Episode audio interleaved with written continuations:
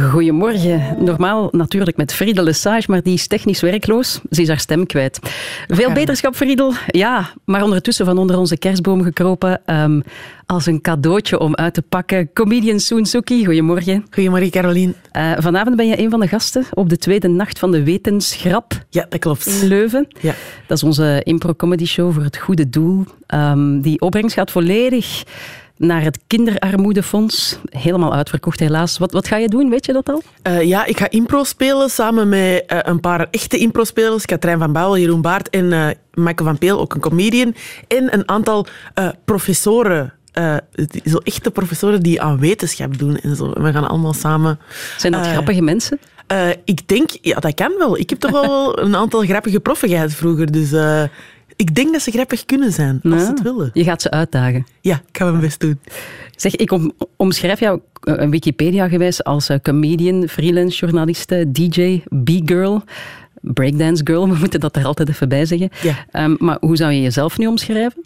Uh, ik denk dat de naam Sue alles een beetje wel samenvat, vind ik. Ja, en voor mij Och ja, hoe zou ik mezelf omschrijven? Um, hoe bedoel je? Sue vat alles samen? Ja, omdat ik ben ook de enige... Ik, zo, ja, de, de, de, naam Sue, dat roept daar voor mij allemaal op. Dus ik zou graag als mensen uh, denken aan mij, dat ze gewoon denken Sue en aan de energie die ik uitstraal en de positiviteit die ik uitstraal in alle dingen die ik doe. En dan, ja, voilà, dat het. Dus, ja. Ja, ik, ik, ik heb ooit eens gelezen, uh, Sue en Suki is bijna altijd opgewekt een, slin, een splinterbom van leven. Oh, my, dat is, uh... dat is mooi, hè? Dat is mooi gezegd. Uh... Ja, laat maar komen, denk ik, op een zondagochtend. Ja. Maar als ik even kijk hoe anderen jou dus omschrijven, dan lees ik ook slim, energiek, stralend, iemand met duizend dromen, iemand met uh, street credibility. Um, klopt dat allemaal? ja, ik denk het wel. Ja? Ja. Ja, op, op je 23e werd je trouwens bekroond als beste B-girl van de Benelux. Ja. B-girl. Dat moet je eens even uitleggen. Hè? Uh, B-girl is eigenlijk... De B staat voor break, uh, breakdance, maar wij zeggen niet meer breakdance, we zeggen break. Uh, en dan girl staat voor... Eigenlijk, dat is girl en niet woman, omdat... in break proberen wij eigenlijk altijd terug te gaan naar ons kinderlijke zelf. Omdat dat de meest pure vorm van jezelf is eigenlijk. Dat je niet wordt tegengehouden door uh, wat de maatschappij van u verwacht of van andere mensen hun verwachtingen. Maar dat je, als je danst, ga je echt terug naar je kindertijd en bent je helemaal vrij. Aha, mooi. Ja. Vasthouden, hè, de komende twee uur hier. Ja, ik ga, ik ga dat doen. Ja, je, bent, je bent een artistieke duizendpoot. Met, met, je bent met heel veel tegelijkertijd bezig. Mm -hmm. Dan denk ik, chaos. Ah, uh, in het begin was dat misschien zo. Allee, in het begin, ik wil zeggen, als ik uh, wat jonger was, dan was ik ben nu 31. En uh, er is een hele lange tijd chaos geweest, van dat ik eigenlijk gewoon op alles ja zeg. En, en, en uh, ja, niet goed wist hoe dat ik mijn focus moest vastleggen op één iets of zo. Maar nu heb ik eigenlijk, omdat ik 31 ben, allee, dat is voor iedereen anders, maar voor mij betekent dat wel zo wat meer rust of zo. En ik, uh, ik weet meer mijn grenzen. Ik, ik weet ook bijvoorbeeld, als ik acht uur heb gewerkt op een dag, dan ben ik op, dan is de energie op en dan moet ik rusten. Terwijl ik vroeger soms 12 uur of 14 uur van alles deed en dan eigenlijk om de zoveel tijd crashte en, en uh, heel moe was of zo. Ja, losgeslagen wild in je twintiger jaar. Ja, ja, ja. En nu is dat allemaal iets meer gefocust en uh, ja, ook gewoon omdat ik heb gemerkt dat er in zo'n cre creatieve flow of gewoon in werkflow zit er ook een, een, een soort van orde. In die zin dat als ik ochtends al mijn e-mails al beantwoord, ja, dan, heb, dan is er e-mails beantwoorden geeft soms zoveel stress en zoveel... Ah ja, ik moet dat nog regelen, ik moet dat papier nog invullen. En dan daarna ben je in een soort van rare vibe waar de creatieve energie niet meer mogelijk is. En ik heb dat geleerd van een vriendin van mij, die is businesscoach, um, uh, Amy. En uh, die, uh, ja, die heeft mij dat aangeleerd van zo... Elk, elk soort werk heeft zijn plek op de dag of zo. Okay. En uh, dat, dat kan ik nu wel goed. Dat is het mooie aan ouder worden, hè? Ja. Meer focus. Ja, dat is good times. Good times. Nog even, waar komt de naam Nsuki vandaan? Want Sue komt van Susanne. Ja, van Susanna. Ja, ja. Susanna? Ja. En, en Nsuki? Nsuki, dat is, uh, dat, is, dat is een Congolese naam. Dus mijn papa is Congolees. En mijn mama is uh, Belg. Allee, mijn papa is ondertussen ook Belg, maar die is van Congolese afkomst. Um, en Nsuki, dat betekent, in Lingala betekent dat eigenlijk haar.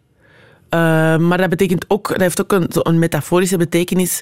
In de zin dat, dat betekent ook wilskracht. Want als je, dat, als je dat afknipt, dat komt eigenlijk altijd teruggegroeid. Dus dat betekent een soekie. Gelukkig maar, Sue. Ja. Ja. Je zal ook de eerste zijn die een hele playlist vol met hip-hop-platen erin sluist hier bij Touché. Dus daarvoor al hulde. Welkom, Sue en Suki. Touché.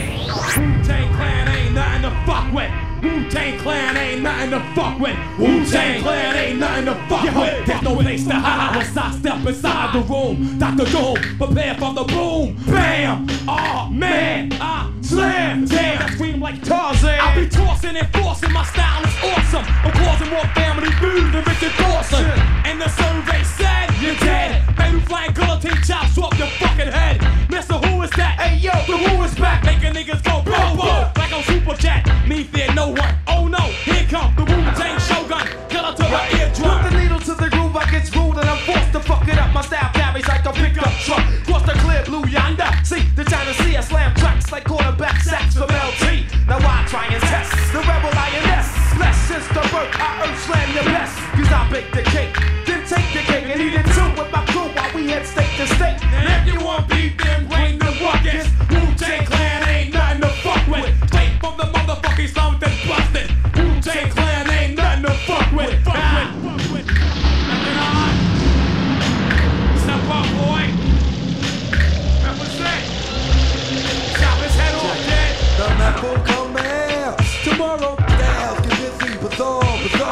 Flow with more afro than Rollo. Coming to a fork in the road, which way to go? Just follow. Methods the legend, niggas is sleepy hollow. In fact, I'm a hard act to follow. I dope for Dolo, Bogart coming on through. Niggas is like, oh my god, not you. Yes, I come to get a slice of the pumpkin, the pie. Rather do than die. Check my flavor, coming from the deja? I'm rubber, niggas, it's like glue. Whatever you say, rubs off me, sticks to you. Tiger style. Tiger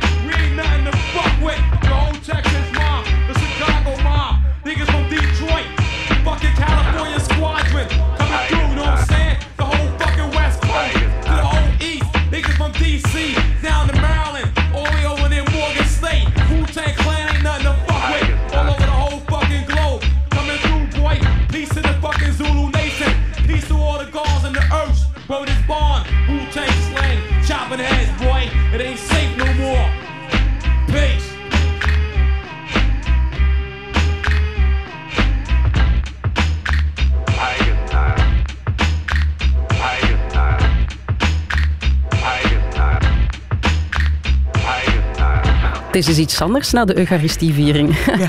Wu-Tang Clan, Wu-Tang ain't nothing to De F-wit, ja. De F-wit, Ja. to F-wit. Ja. Sue en Suki, je bent op dit moment bezig met de voorstelling eh Zootopia. Ja, de eerste one-man one-woman show, moet ik eigenlijk zeggen. Hè? Je bent nog maar 31 en ik ga je al naar je moment de gloire vragen. Heeft die te maken met die voorstelling? Ja, toch wel. Want eh, ik ben ja, een jaar geleden daarmee in première gegaan, op eh, 7 december 2018. En dat was wel een heel speciaal moment voor mij. Dat was echt een moment dat ik... Een, dat dat, dat eh, was het begin van een nieuw deel van mijn leven of zo. Omdat ja, een première is sowieso...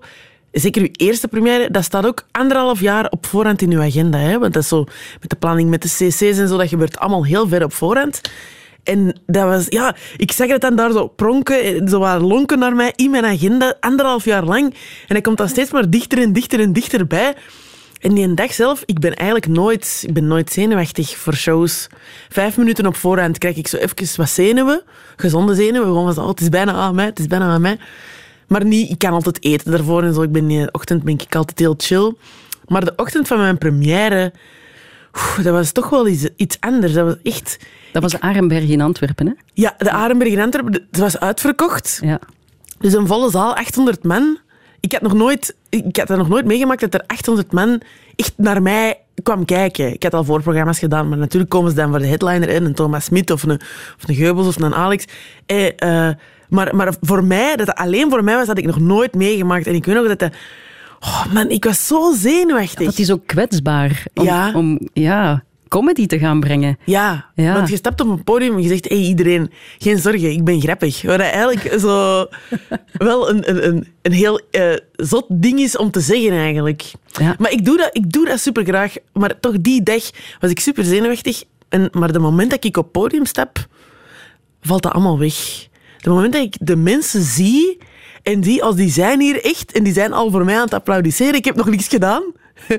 Eh, dat is het moment dat al die stress wegvalt en dat alleen nog maar plezier overblijft. Ja, dan ga je gewoon. Ja, dat is zalig. En ik heb toen op het einde eh, heb ik zo bloemetjes gekregen en ook zo mensen gingen recht staan. En, dat was een heel speciaal en, en intens moment. Ja, Dat heel ik. emotioneel. Ja. Ja. Ja. Je, je hebt het ook over heel veel verschillende thema's. hè, eh, armoede, eh, hoe het is om als jonge vrouw in Vlaanderen te wonen, discriminatie. Dat zijn zware topics. Maar je belooft wel dat je nadien buiten wandelt als een gelukkiger mens. Ja, eh, omdat ik... Iemand zei mij onlangs van zo, ja, dat is wel een zware belofte dat je maakt. En ik dacht zo, ja, maar ik denk dat ik die kan waarmaken, omdat dat sowieso in mijn aard ligt om de mensen blij te willen maken. Dat is denk ik ook de hele reden dat ik comedy doe. Het gaat ook niet alleen maar over zware topics. Het gaat ook over schaamlipcorrecties. Ja, ja, ja, inderdaad. Vlaamse trouwfeesten. Wat, hoe kijk jij naar Vlaamse trouwfeesten? Eh, ja, ik heb het niet per se over alle Vlaamse trouwfeesten, maar zo de oer-Vlaamse. Zo. Iedereen, weet wat ik bedoel. Iedereen weet wat ik bedoel. Zo, er is eh perzik met tonijnsla en er is zo... Het is zo, zo prinsessenboontjes met ips. Zo, zo dat, dat soort trouwfeesten. Zo. Dat is gewoon En een speciale... En een, ja, voilà, een zat en onkel. Zo.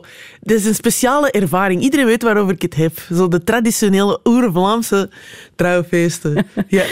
Ja, kijk, ik ben al vertrokken. Hè. Ja. Ehm, nu, de standaard gaf je drie sterren, dus dat moet wel goed zijn. Ehm, je- het is soms ook een beetje pijnlijk, want je praat ook over je stiefvader, wat niet, niet echt een aangename man was, als ik dat zo... eh, Je noemt hem een manipulatieve zot, die jou en je moeder uit de Aldi komt te plukken, omdat hij dacht dat jullie daar mannen aan het versieren waren. Je was elf. Ja, ja, ja. Ja, dat, daar, ja dat is ook een keuze om dat ertussen te sluizen. Ja, maar als comedian kun je eigenlijk niet anders. Voor mij betekent comedian zijn het praten over wat het er in je omgaat en wat het er op je lever ligt. Want je materiaal dat ontstaat ook niet van... Voor mij ontstaat materiaal niet aan de hand van andere mensen of aan de hand van oh, wat is er trendy om nu over, over te praten. Nee, ik praat over wat er in mij omgaat. En eh, de dingen die ik heb meegemaakt. En eh, omdat ik denk dat als mensen met hun verhaal naar buiten komen... Of ja, nee, dat is, niet, eer- dat is eigenlijk geen bewuste keuze. Dat is gewoon, ik kan niet anders dan eerlijk zijn op het podium en dan te zeggen wat ik denk. En natuurlijk, dat is het coole aan comedy, is dat je verpakt dat in een grappig jasje. En dat is het leuke, want, want ja, met grapjes... Het, het is leuk, heel de tijd. We zijn aan het lachen en toch hebben we het over serieuze onderwerpen. En dat vind ik heel aangenaam. Dat is Ja. het beste aan comedy. Het is ook een Oh. soort van de wereld willen veranderen, maar dan wel met een lach. Ehm, ja, het is meer... Ik kan nog eens zeggen, het is meer dat ik niet per se wil de wereld veranderen, maar meer van zo, ik kan eigenlijk niet anders. Ja. Zo, ik moet die dingen vertellen. Mhm. Ja. Daarnaast schrijf je ook. Hè? Je bent journaliste bij Charlie Magazine. Je, zal op zoek moeten naar een andere werkgever, Ja, ja, ja. helaas. Waar schrijf je het liefst over? Ehm, goh, ik doe, nu schrijf ik veel minder, maar vroeger eigenlijk, het schrijven is een beetje, komt een beetje overeen met mijn comedy, in de zin dat ik schrijf over de dingen die dat mij, eh, die dat mij aangaan. Ik heb, voor Charlie heb ik geschreven over bijvoorbeeld ehm, over afro's, over, eh, dus, eh, over black hair. Ehm, ik heb geschreven, interviews gedaan met mensen die ik interessant vond. Ehm, Miss Ellie bijvoorbeeld, dat is een slam poet en eh, activiste en organisatrice uit Antwerpen. Die doet zo bijvoorbeeld Mama's Open Mic heeft die heel lang gedaan. Dat een heel grave plek van eh, talent en ontwikkeling is. Eh, ja, dus eigenlijk de, ik ga af op wat mij interesseert en op wat mij aangaat. Maar voor Charlie heb ik vooral daarna ook mijn filmpjes, zo de twee minuutjes met Sue, eh, waar dat ik eigenlijk onderwerpen aanpakte die op een grappige manier. Dus hoe, hoe grappiger dat het wordt, hoe meer dat, het, dat ik mij op, op mijn plek voel of zo. Want er zijn andere mensen die beter kunnen schrijven dan ik. Maar eh, mopjes maken zoals ik dat kan, dat kan alleen ik. Ja. Dat snap ik. Maar je, bent ook leuk om... Sorry dat ik het zeg, maar je bent leuk om naar te kijken omdat je een heel open blik hebt en een... Je hebt een... Ja, hoe zal ik het zeggen? Een beetje... Je hebt pretoogjes en een, een gezicht dat doet lachen.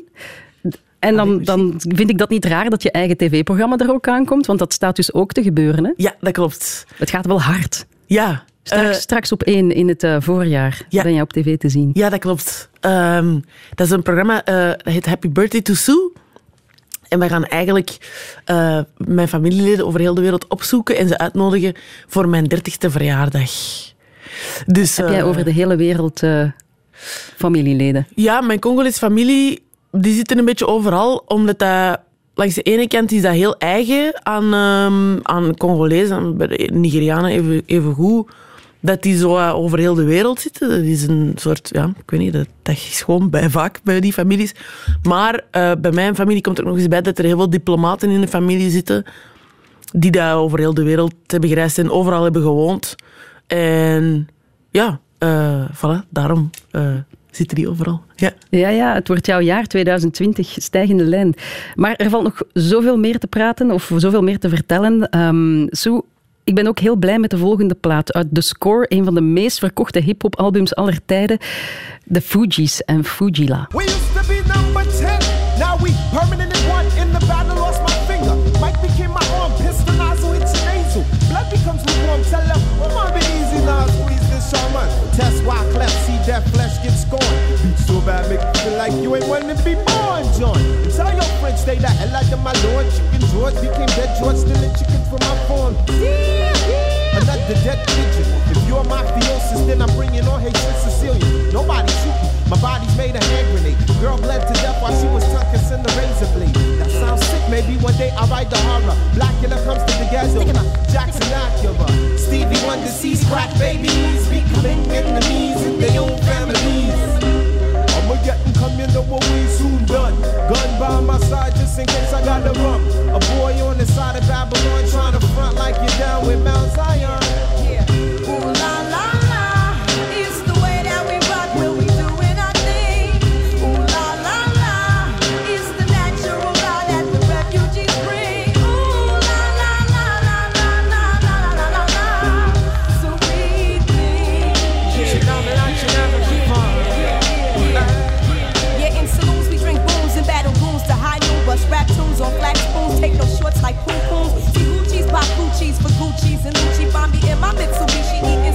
up in Fuji.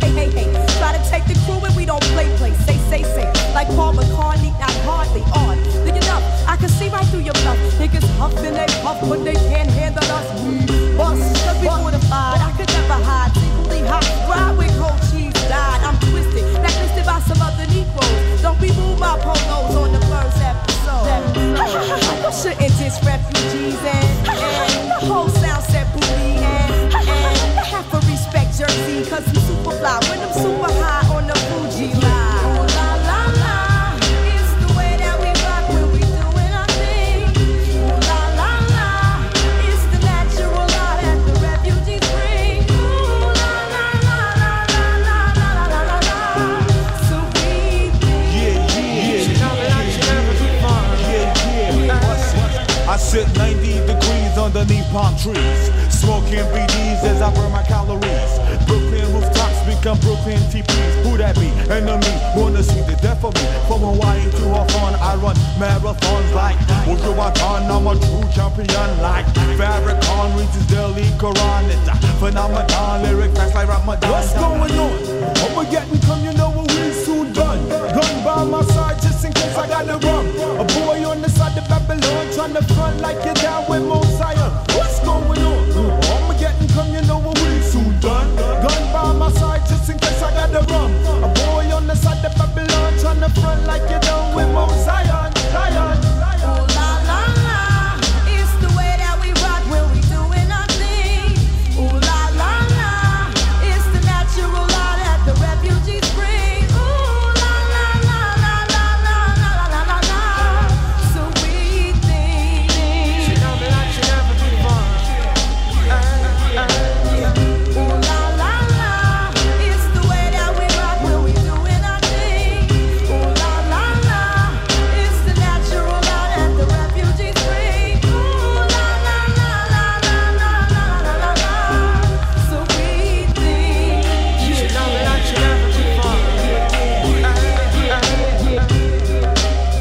Fugees en Fujila. Ehm um, Sue en Suki, Ja? het eerste album dat je ooit hebt gekocht. Ja, dat klopt. Als ik goed uitreken, was je 7 à 8 jaar dan. Ja, dat was eigenlijk echt heel jong. Ik en mijn tweelingbroer, ja, wij wouden dat album heel graag en wij hadden het dan besteld bij de ECI. Ja. Wat was het, de recordshop of zo? Ja, dat was gewoon zo een boekje dat je elke maand aankreeg of zoiets. En dan moesten daar eh, een cd en twee boeken uit bestellen. Of zo. Ja, dat was Ah, zo'n- zo. een, een, een oldschool eh aan-huis catalogus, zoals Ah, ja. dat vroeger nog was. Ja, dat kostte ook 600 frank voor een full cd, dus dan beluisterde je die van voor tot helemaal van achter. Ja, ja, ja, ja, we hebben die superveel gespeeld. Ja, ja, ja, die is grijs gedraaid bij ons. Ehm, je bracht je jeugd door in Kalmthout, Ja. een stukje Antwerpse Kempen. Hoe zag jouw ouderlijke nest eruit? Goh, eh, we waren thuis met vijf kinderen. Dus eh, er waren altijd veel kinderen aanwezig in het ouderlijke huis. Ehm, goh, ja, eh, hoe- was dat? Ja? Wij hadden een thuis waar eigenlijk altijd heel veel volk aanwezig was. Dus buiten de kinderen dat daar waren, ehm, was er ook elke, elke avond na school wij waren ook een soort van zoete inval. Zo. Ook tussen de middag kwamen er altijd vriendjes mee eten. En dan s'avonds om vier uur... eh, ja, dan zat het bij ons vol. In de zomer za- zaten wij allemaal buiten op straat, op de stoep een beetje. En in de winter kwam iedereen mee naar binnen en mee tv zien of spelletjes spelen of eh, een koekje eten en een appelsapje drinken of van achter spelen in een tuin. Dus ons huis was eigenlijk eh, ja, eh, een, eh, ja, echt een zoete inval bij Ja. ons. Ja. Energiek. Ja, ja, ja. ja, ja, Ja. Je zei het daarnet al, je vader is eh, Congolees, je moeder, of een Congolese Belg, je moeder een Vlaamse uit Ekeren. Betekent dat dan dat je met je ene been in de ene cultuur staat en, en het andere in de andere? Of, of blende dat goed? Ehm, goh, ja, dat blend heeft altijd voor mij altijd wel geblend, omdat het al van kleins af aan hebben wij zowel naar eh, de Vlaamse kant, naar de familiefeesten gegaan en daar, ja, ik zal nu zeggen, tussen aanhalingstekens, Vlaams eten gegeten. Allee, zo, zo, Besje zo- met tonijn. Eh, nee, nee, nee. Eh, lekker, mijn oma die maakte dan eh eh, spinaziepuree met worst en dan maakte die zo'n gezichtje voor ons. En dan zo gingen wij naar de Congolese familie in Brussel en dan kregen wij daar uh, madesu met en rijst en, en pondu en, en, en semoel. En dus, dus allee, voor mij is cultuur, is voor mij het grootste aan cultuur, is, eten en muziek. En dat hebben wij eigenlijk van beide kanten van kleins af aan meegekregen. Alhoewel ik grotendeels bij mijn mama ben opgegroeid is die Congolese cultuur eigenlijk, ja, dat is van kleins, af- van kleins af aan zijn bij, bij, beide families veel geweest. Dus ik voel dat eerder als een soort van natuurlijke mix en niet... Want als je zo met je ene been hier staat en met je andere been daar, dan voelt dat als een spreidstand. Terwijl dat, dat is niet... Dat is niet. Dat voelt eerder als een natuurlijke mix. Ja, Ja. een verrijking misschien ook. Ja, eh, ja, hoe meer werelden dat je kent, hoe meer cultuur dat je kent, eh, hoe breder je blik op de wereld. Ja. En net zoals veel gezinnen in Kalmthout, eh, maar ook veel gezinnen met Congolese roots, ben jij christelijk opgevoed, hè?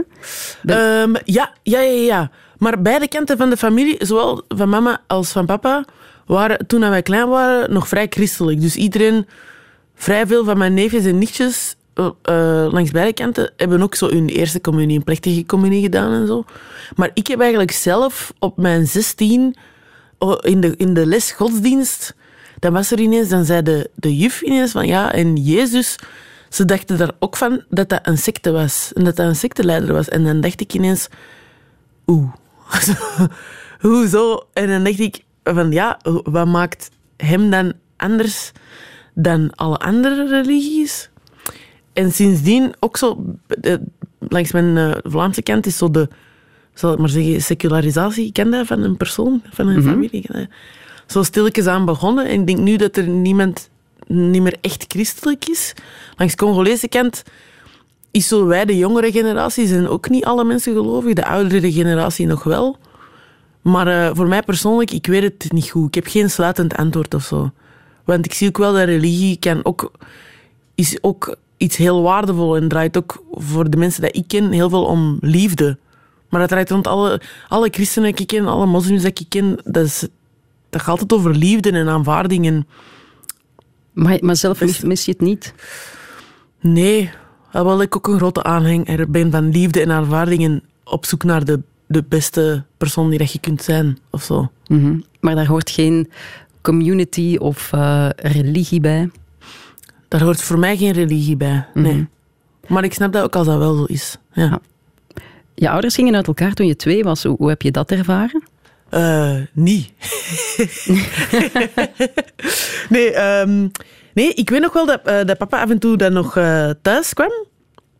Dat weet ik nog een paar keer, dat- hij thuis dat hij aankwam van zijn werk of zo, denk ik dan. Ik was te jong om mij dat te herinneren. Ik weet alleen dat wij ineens verhuisden en dat hij er dan niet meer was.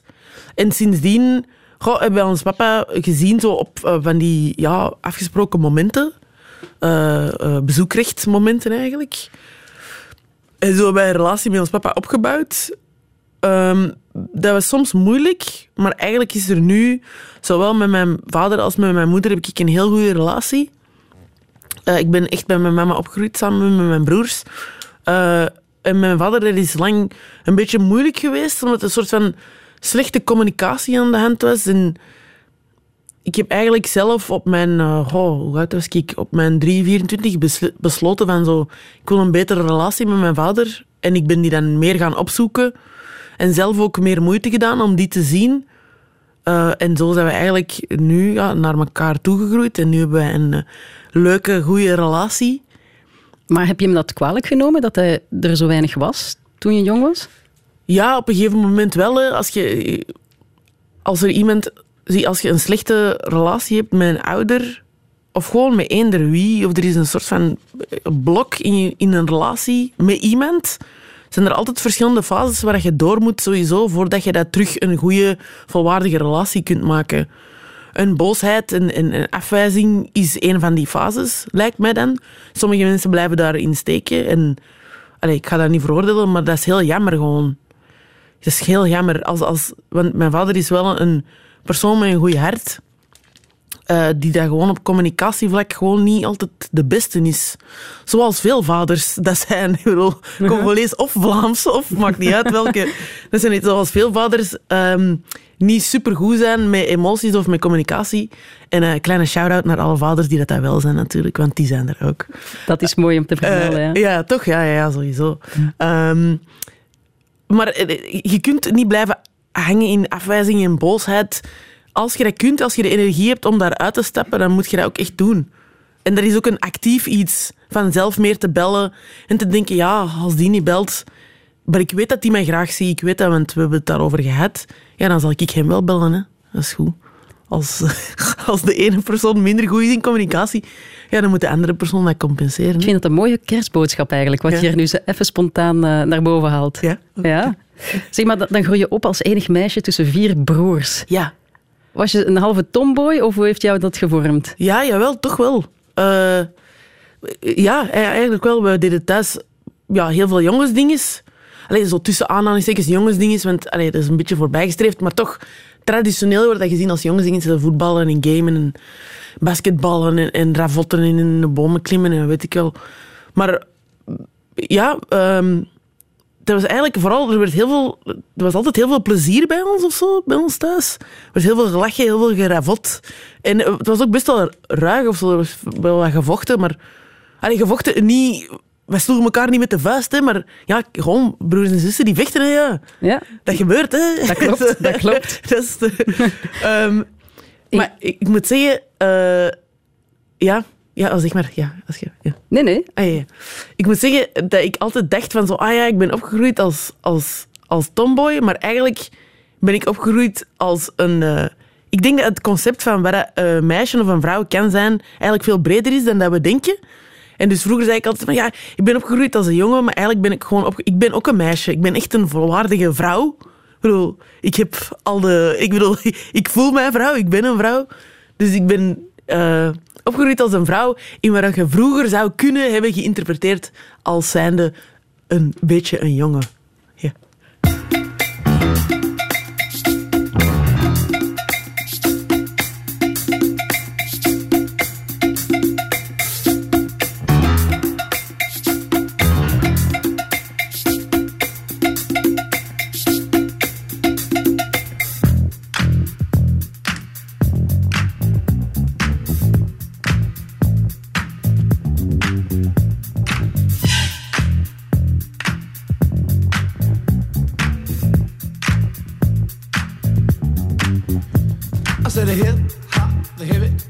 The hip hip hopper. You don't stop the rocker to the bang bang boogie. Say up jump the boogie to the rhythm of the boogie to beat.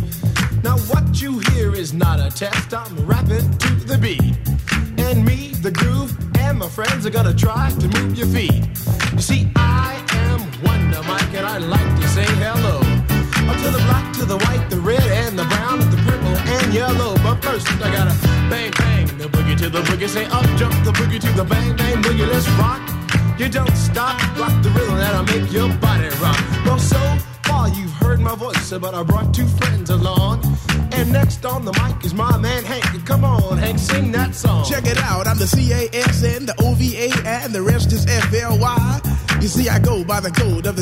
The mix, and these reasons I'll tell you why. You see, I'm six foot one, and I'm tons of fun, and I dress to a T. You see, I got more clothes than Muhammad Ali, and I dress so viciously. I got bodyguards, I got two big guns, that definitely ain't the whack. I got a Lincoln Continental and a sunroof Cadillac. So after school, I take a dip in the pool, which is really on the wall. I got a color TV so I can see the Knicks play basketball. Him and talking my checkbook, could it cost more money uh, than a sucker could ever spend? But I wouldn't give a sucker or a punk from the rock and not a dime till I made it again. Everybody go, oh, hotel, motel, what you gonna do today? Is I'm gonna get a fly girl, gonna get some spank and drive off in a death OJ. Everybody go, hotel,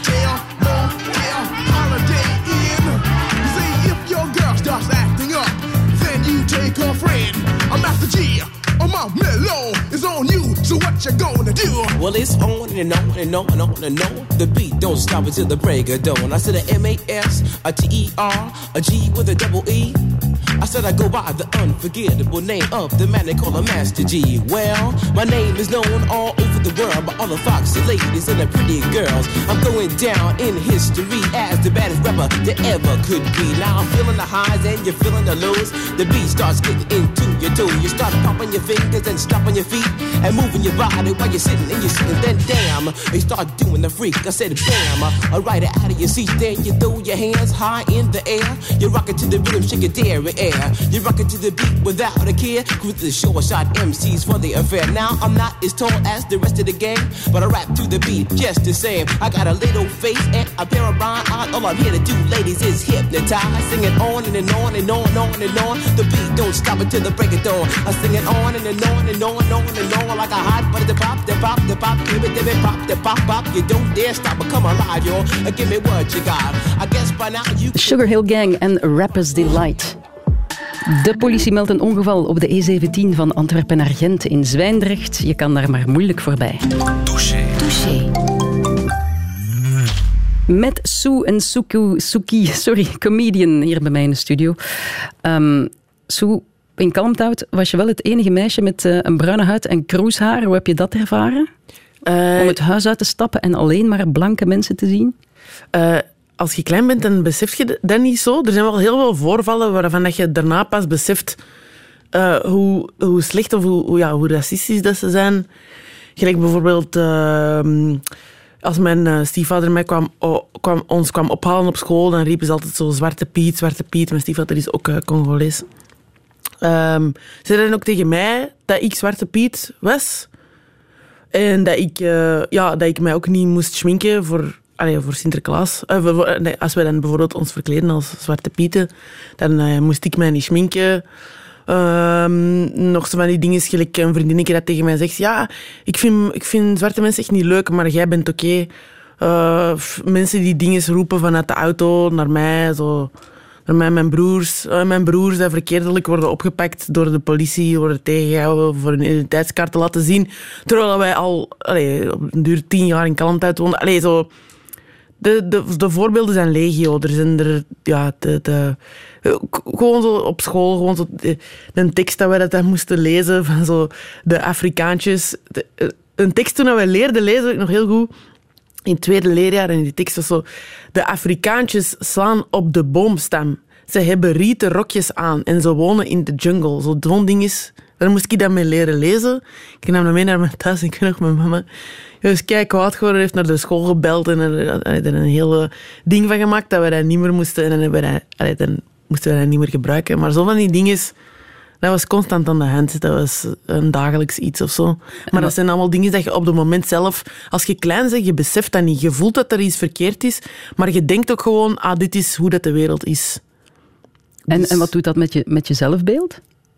Je, je voelt je sowieso... Je voelt je... Je voelt dat er iets, iets is aan u wat er u uitsluit van de anderen. En je, je- wordt je ook gewoon al heel vroeg bewust van je huidkleur. Terwijl kinderen mogen normaal gezien zelf bewust zijn van wie dat je bent, eh, hoe dat je eruit ziet. Dat is iets dat normaal volwassenen moeten doen. Dus nadenken over wie dat ze zijn, over hoe dat ze eruit zien. Omdat de maatschappij dat een beetje van u verwacht. Omdat hoe dat je eruit ziet bepaalt, plaatst u in een bepaald hokje. Maar dat is een heel harde realiteit. Te beseffen van, ah, ik zie er zo uit. Dus de maatschappij gaat me daarbij plaatsen. En dat is gewoon geen gedachte dat kinderen zouden moeten hebben. Terwijl dat is wel wat er gebeurt bij, bij bruine of zwarte kindjes die dat eh, met racisme te maken krijgen, is dat je al heel vroeg beseft van zo, ah, er is hier iets aan de hand waardoor ik niet bij de rest hoor. En dat is niet goed voor je zelfbeeld, want de mensen, de mensen is een sociaal wezen en je wilt sowieso Bij de groep horen. bij de groep horen. Ja. Een vriend van mij die heeft Rwandese roots en die zei ooit: Ik miste in Vlaanderen een soort van black TV. Zo, zoals je in de Verenigde Staten hebt of in Zuid-Afrika, ehm, waarin je heel veel zwarte sitcoms ziet. Eh, hij zegt ja, dan kon ik me tenminste terugvinden en dan zou ik me niet zo een alien voelen. Ja, want ik dacht ook heel lang dat ik heel lelijk was en dat mijn haar ook, mijn natuurlijk haar en mijn afro, dat mijn afro en ik, dat we heel, ja, dat ik, was lelijk en afzichtelijk en mensen mochten mijn haar niet zien. Ik ging altijd, als mijn haar natuurlijk was, met mijn kap op naar school. En ik wou ook gewoon lang blond haar, omdat alle prinsessen dat ik zag, ik keek heel graag prinsessenfilms en zo, eigenlijk alle, heel veel kleine meisjes en jongens. Ehm, dus ik wou ook gewoon zo lang golvend haar. Ik heb zoveel geprobeerd om met gel, om met van alles en nog wat, om met water, om mijn haar plat te maken. Dat was echt een, een, een, zo'n harde wens van mij, van gewoon plat haar te hebben, zoals iedereen. Eh, omdat ik zag mijn haar ook nergens... Ik had ook geen zussen. Ik had ook geen zussen die dat ook hetzelfde haar hadden als ik. Dus al die jongens en mijn broers, die, die scheerden hun haar gewoon kort. En dat was voor hun niet echt een, een issue of zo. Ehm, dus ja, de, de, dat is gewoon heel, heel... Als ik daar nu op terugkijk, dan denk ik... Dat is heel pijnlijk. Dat ik inderdaad geen, geen voorbeeld op televisie of in magazines zeg. Ook ik, ik kocht altijd zo de fancy en de, de joepie. En daar stonden dan zo, soms zo haar... eh, haar eh, Tips. Haartips, inderdaad. En vijf, vijf capsules voor de zomer, eh, weet ik allemaal.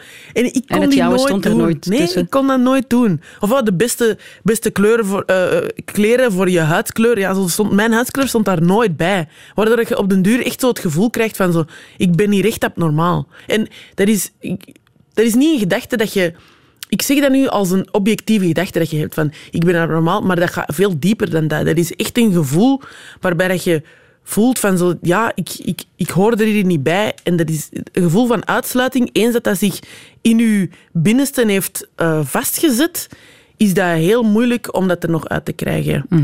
En ja, Je hebt beeldvorming langs de ene kant, hè, jezelf niet terugvinden in, in magazines, op, op tv. En je hebt de, de benadering van de mensen rondom jou, wat je daarnet al zei. Dat, dat- ik hoorde regelrecht racisme ook wel. Maar ook heb je van die vriendelijke toenaderingen. Hè, mensen die jou een compliment willen geven over je kapsel, vragen waar je vandaan komt. Eh, een, het, het, een vriendelijke toenadering, maar hoe voelt dat? Dat is eigenlijk het probleem met die vriendelijke toenaderingen van zo, ah, en waar waar ben je afkomstig? En, en oh, mag ik eens aan je haar komen en dit, dat. En dat komt vanuit een oprechte interesse. Die, ik twijfel daar niet aan. Die mensen hebben een oprecht positieve bedoeling. Maar eh, het probleem daarmee is dat je zwarte en bruine mensen niet ziet als een persoon. Ik ben een persoon met een job, met interesses. Met, ik, ik heb zoveel broers en zussen. Ik heb van alle dingen die dat ik eerder wil vertellen en meer over te zeggen heb dan het land waar ik vandaan kom. En ik snap dat die mensen toenadering willen zoeken, maar bekijk bruine en zwarte personen alsjeblieft als mensen en niet als een soort van iets voor u om te ontdekken of iets voor u om eh, dat voelt soms dat je een rariteit bent. Oh, amai, wat hebben we hier? Oh, jij hebt ander haar. Oh, zo, oh, zo. Dat, voelt heel objectiverend aan. Ik bedoel, het voelt bijna aan alsof wij een soort van live documentaire zijn voor u. Terwijl dat zijn wij niet. Ik ben een persoon, ik ben een mens. Ik sta hier op hetzelfde, dezelfde kerstdrink als u, eh, Tanja. Dus vraag mij... Ah, en wat doe jij hier op de kerstdrink? En hoe kende jij de die? Of, eh, vraag normale vragen zoals je aan een andere... Je zou toch nooit aan een andere witte persoon vragen van zo, ah, en van waar ben jij afkomstig? En als die dan zegt erps kwerps, dan vraag ik het ook niet, ja, maar van waar echt? Terwijl die kan ook bijvoorbeeld van Poolse afkomst zijn, of van, weet ik veel, Italiaans, of weet ik veel. Het zijn vaak die uiterlijkheden die heel snel, die je heel snel vastgrijpt om een conversatie te beginnen. Ja, maar dat is heel... Dat is echt niet aangenaam. Want we krijgen die vraag niet één keer, maar tien miljoen keer. En in sommige omstandigheden op één dag meerdere keren. En dat is zo... Ik heb echt ook wel andere dingen om over te praten dan over het feit dat ik bruin ben. Ja. Alhoewel ik trots ben op mijn huiskleur. Maar ja, please benader ons als gewoon als mensen. Ja, vraag eens naar je broek. Waar heb je die broek vandaan? Bijvoorbeeld. Ja. Of vraag van waar bent je? En als ik zeg Antwerpen, zegt dan... Ah ja, oké, ik heb daar een nicht wonen. En niet... Nee, ik bedoel, van waar ben je echt zo? Nee, nee, nee, nee. nee, nee, nee. Liever niet. Nee, Nee. nee. Vraag dat als we heel goede vrienden zijn Ja. en je mij echt hebt leren kennen. Oké, nee, maar dat zijn tools. Hè, want eh, ik, ik ken heel wat mensen die zeggen, ja, ik weet niet meer wat vragen, want ik ben bang dat ik op gevoelige, gevoeligheden ga botsen. Vraag gewoon naar mensen hun jobs, hun werk, hun studies. Dat is iets dat wij allemaal hebben. Ja. Ja. Ik zal eens vragen naar je passies. Hè. Ehm, je bent beginnen dansen op je zesde. Ja. Wat, ja, wat, wat doet dat met jou, dat dansen? Want je, je bent er ook zeer goed in geworden. Je hebt heel veel verschillende stijlen ontdekt. Wat doet dansen met jou? Het dansen is voor mij echt de puurste vorm van uitdrukking. Dus ook, dansen is een van de moeilijkste dingen dat ik al heb gedaan. Bij comedy kan ik mijn woorden gebruiken. Ik ben goed met woorden, alleen meestal. Of niet op zondagochtend. eh. Dat valt heel goed mee. Ehm, eh, maar dansen, dat is zo... eh, dat is iets heel moeilijk, omdat je eigenlijk... Dans kan alleen maar voor mij persoonlijk goed en effectief zijn als je erin slaagt van op dat moment eh je pure zelf te zijn. Dus dat is zo'n... Omdat andere mensen ook, bij comedy bijvoorbeeld, ik vertel iets en het feit dat jij ermee lacht, dan is het gelukt. Dan is het eigenlijk voor mij gelukt. Eh, Ik heb mijn eigen uitgedrukt, jullie lachen. Dat is een heel duidelijke uitwisseling. Bij dans, dat is zo hard in de moment zijn, zo hard genieten van de muziek en dat dan eh, bij je lichaam tot naar buiten laten komen, dat alleen jij voelt of dat, dat gefaald is of gelukt is. En helemaal kunnen loslaten en in de moment zijn, dat is voor mij dans. En dat is soms een heel moeilijke status om te bereiken. Omdat voor helemaal los te laten moet je hoofd soort van niet leeg zijn, maar er moet een soort van rust zijn met alles, waardoor dat je echt in de muziek kunt gaan en helemaal kunt opgaan in de moment. Je moet je kunnen gooien. Hè? Ja, je moet je kunnen gooien en eh, Dat eh, betekent inderdaad uit je hoofd stappen, maar dat ja. is niet zo gemakkelijk. uit je hoofd stappen. En dat is inderdaad... Dat is niet gemakkelijk, nee. nee. En als dat lukt met dans, dan ben ik echt het gelukkigste. Dat, dat, dat, dat is zalig. Dat is echt terug kind zijn. Dat is echt... Ja, kan het iedereen aanraden. Ja, want ik heb ooit eens gelezen dat je het iedereen echt aanraadt, omdat we te veel piekeren. En dat zou een zeer goed middel kunnen zijn tegen piekeren. Ik denk dat, gewoon over het algemeen hier in, hier in Vlaanderen, als ik rond mij kijk ook, dat mensen niet genoeg bezig zijn met hun lichaam. Zo lichamelijkheid is iets... iets echt het, de oude, eh, eh, het oude duo, lichaam en geest. Ik bedoel, dat is niet, ben niet de eerste dat dat zegt, of. Het is geen revolutionair idee.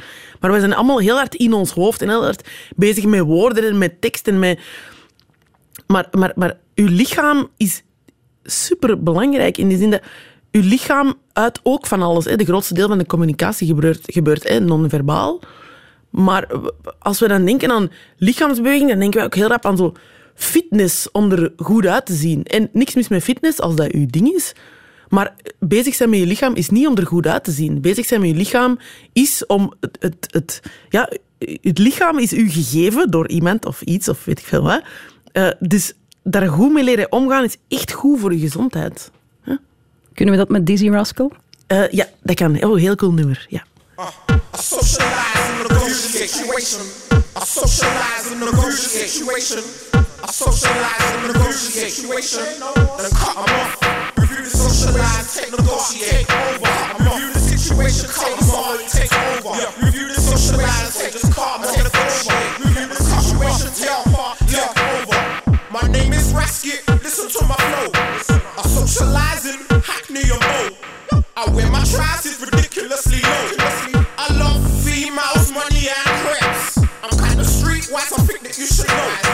You're not a bad boy, you're putting on the show. You talking back, creeping up on Roscoe. So keep creep crawling, cause I'm taking bigger steps. My name is Rasket, listen to my slang. I socialize with the crew and the gang. Real youths on the streets is where I hang. Oh mate, you can lapse, leave gaps in your face. You're in your neighborhood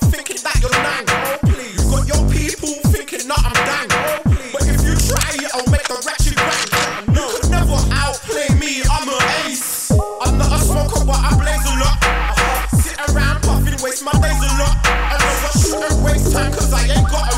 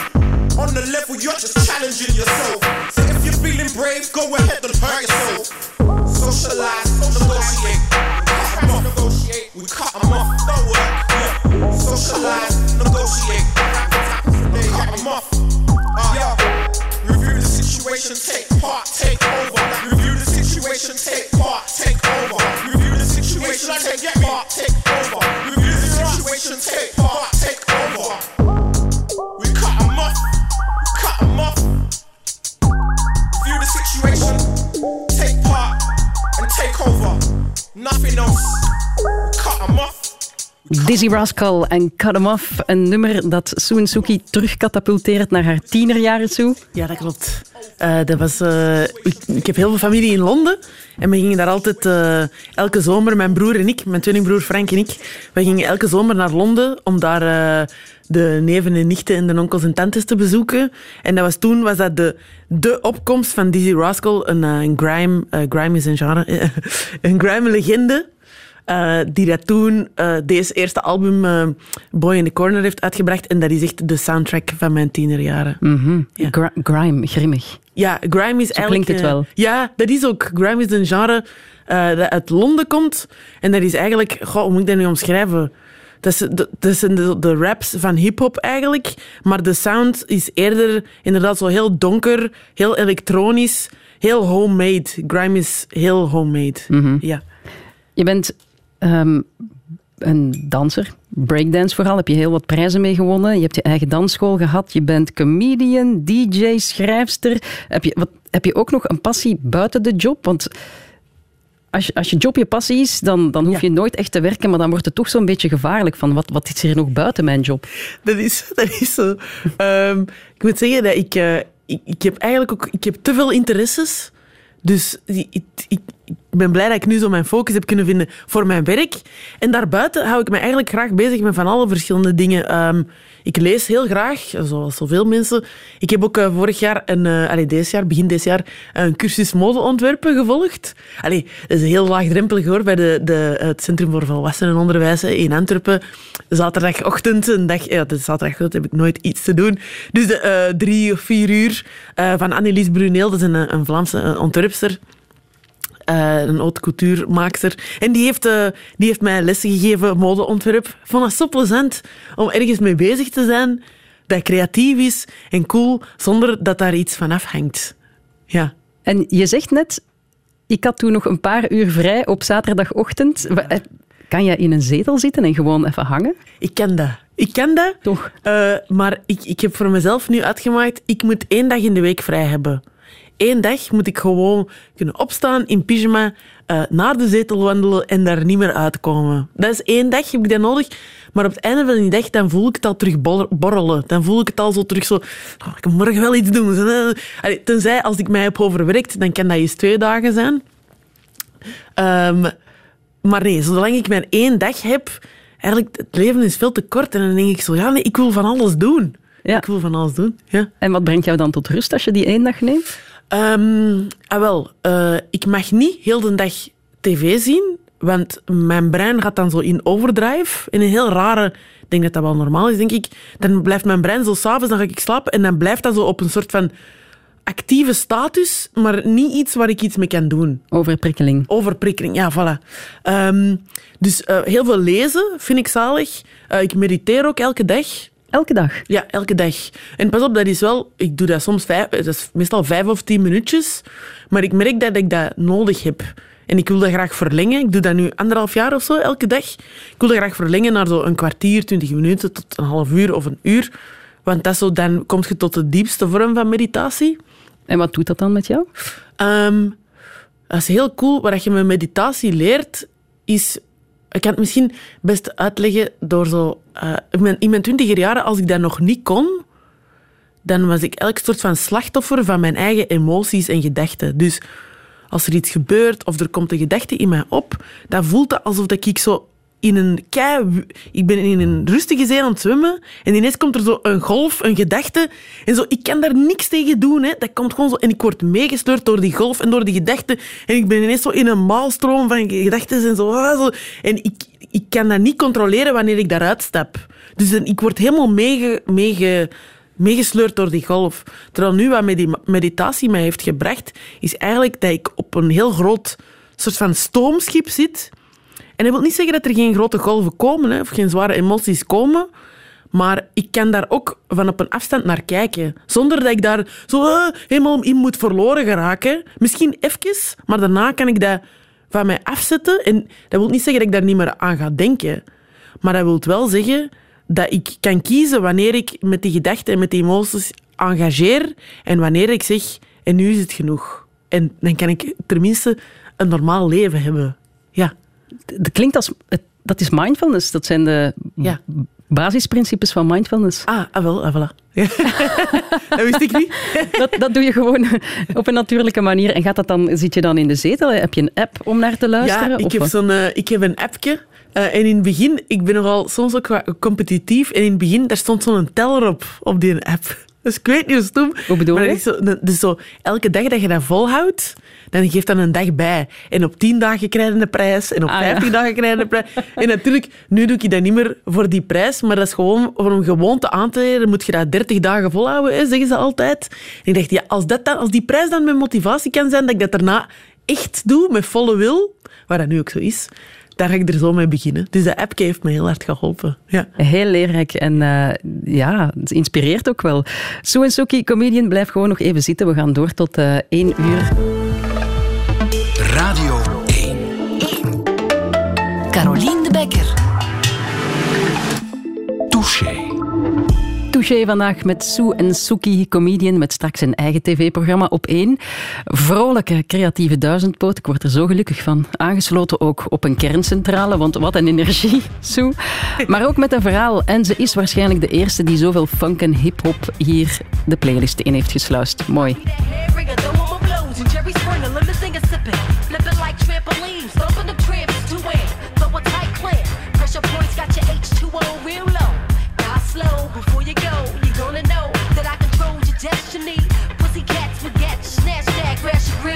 cash hit. When the D's is on my ass, stash the fifth in the dash. Keep stuffing bags of cash in the trunk like David the Dash. Rockefeller, Bella Wow, get a shout. Exchange the French fries, sauerkraut. Don't make me wild out like yellow cats. One round, in the barrel. I got a paddle, I'm Cupid. Shooting you stupid motherfuckers with bow and arrows. I spell like Beretta. Bury the treasure for eighty weather. Uh-huh. Damn it, shit like gas and rain. Stay the same, never change.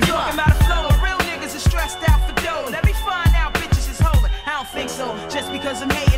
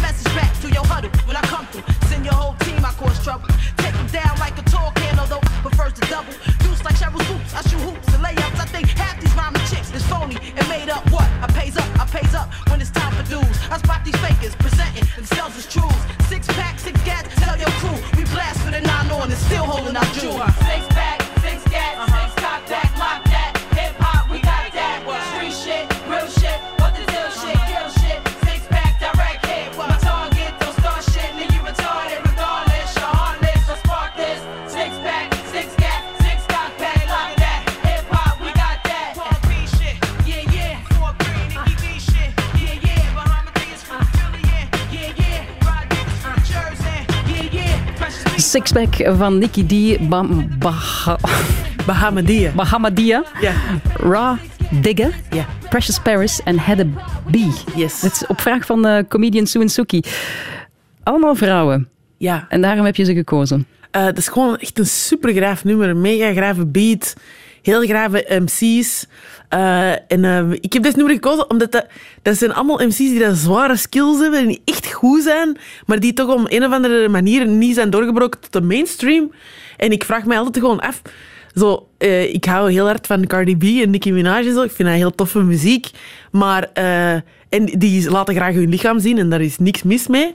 Maar ik vraag mij dan altijd af waarom dat zij dan aan de top staan en niet een andere, een vrouwelijke rapper die dat misschien gewoon niet zo hard haar lichaam laat zien of zo. Waarom kan dat ook niet tot de mainstream behoren? Mhm. Ja. Zijn die er te weinig dan?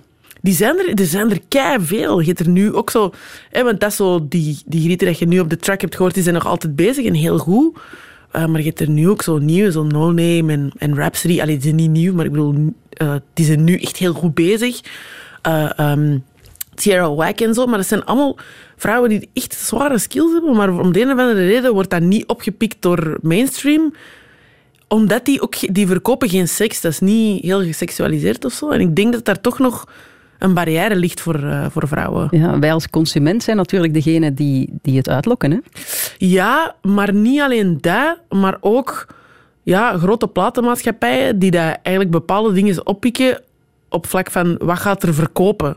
En op vlak van wat gaat er verkopen, daar, daar hangen soms nog heel traditionele en oude ideeën aan vast.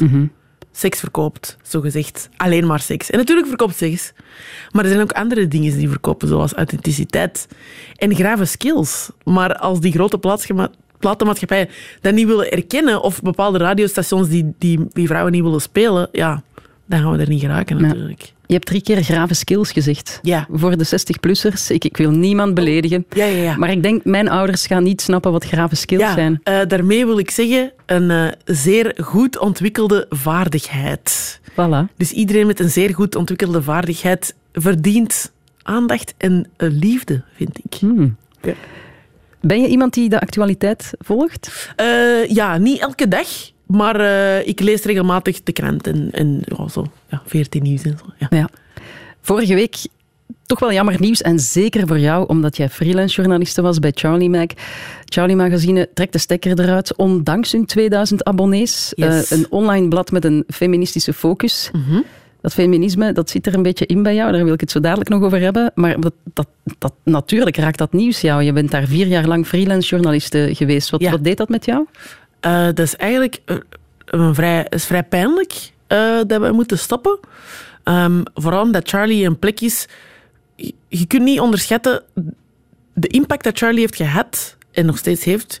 Kun niet onderschatten omdat ehm, dat heeft heel veel van onze lezers een gevoel gegeven en voor mij ook van ergens bij te horen, geaccepteerd te zijn, welkom te zijn.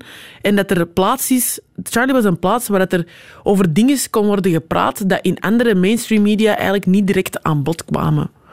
Ehm, en dat is voor mij persoonlijk heel pijnlijk, omdat dat ook buiten dus de dingen die we schreven en maakten, was dat ook gewoon als plek, als, als familie, als vriendengroep, een heel fijne plaats om te zijn gewoon.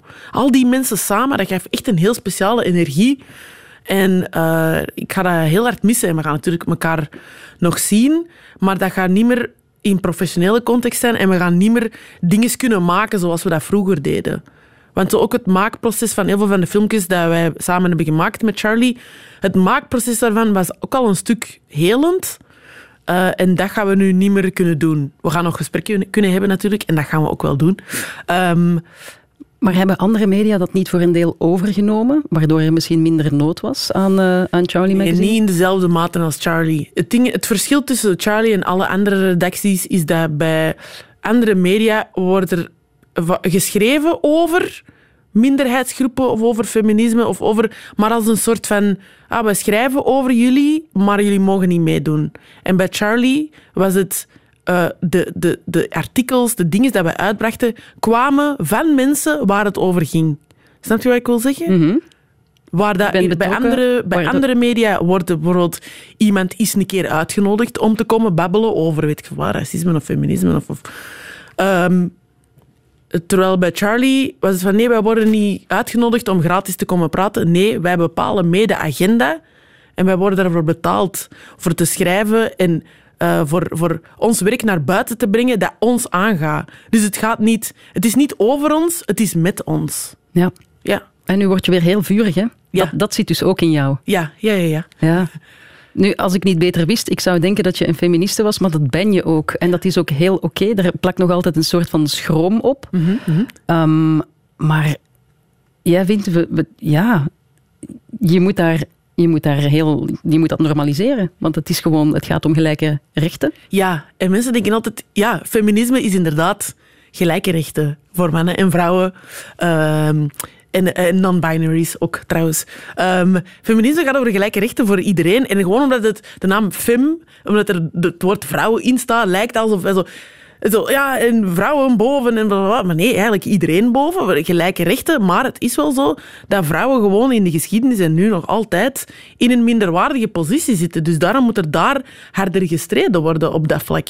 En het feminisme gaat over vrije keuze. Dus dat gaat ook niet over van zo, ah, en je mag niet thuis zitten aan de haard en voor je kinderen zorgen. Nee, natuurlijk, dat gaat niet over mogen. Vanaf dat iemand het woord je mag dit of je mag dat gebruikt in, in, in, in, eh, als je het over feminisme hebt, dat is totaal niet waar. Dat gaat erover dat vrouwen een vrije keuze kunnen maken over wat ze willen doen in het leven. Maar bijvoorbeeld, jij hebt de vrije keuze om ehm, comedian te zijn, om een vrouwelijke comedian te zijn. Je staat al jaren, je mannetje, in een toch wel mannelijke branche. Mhm.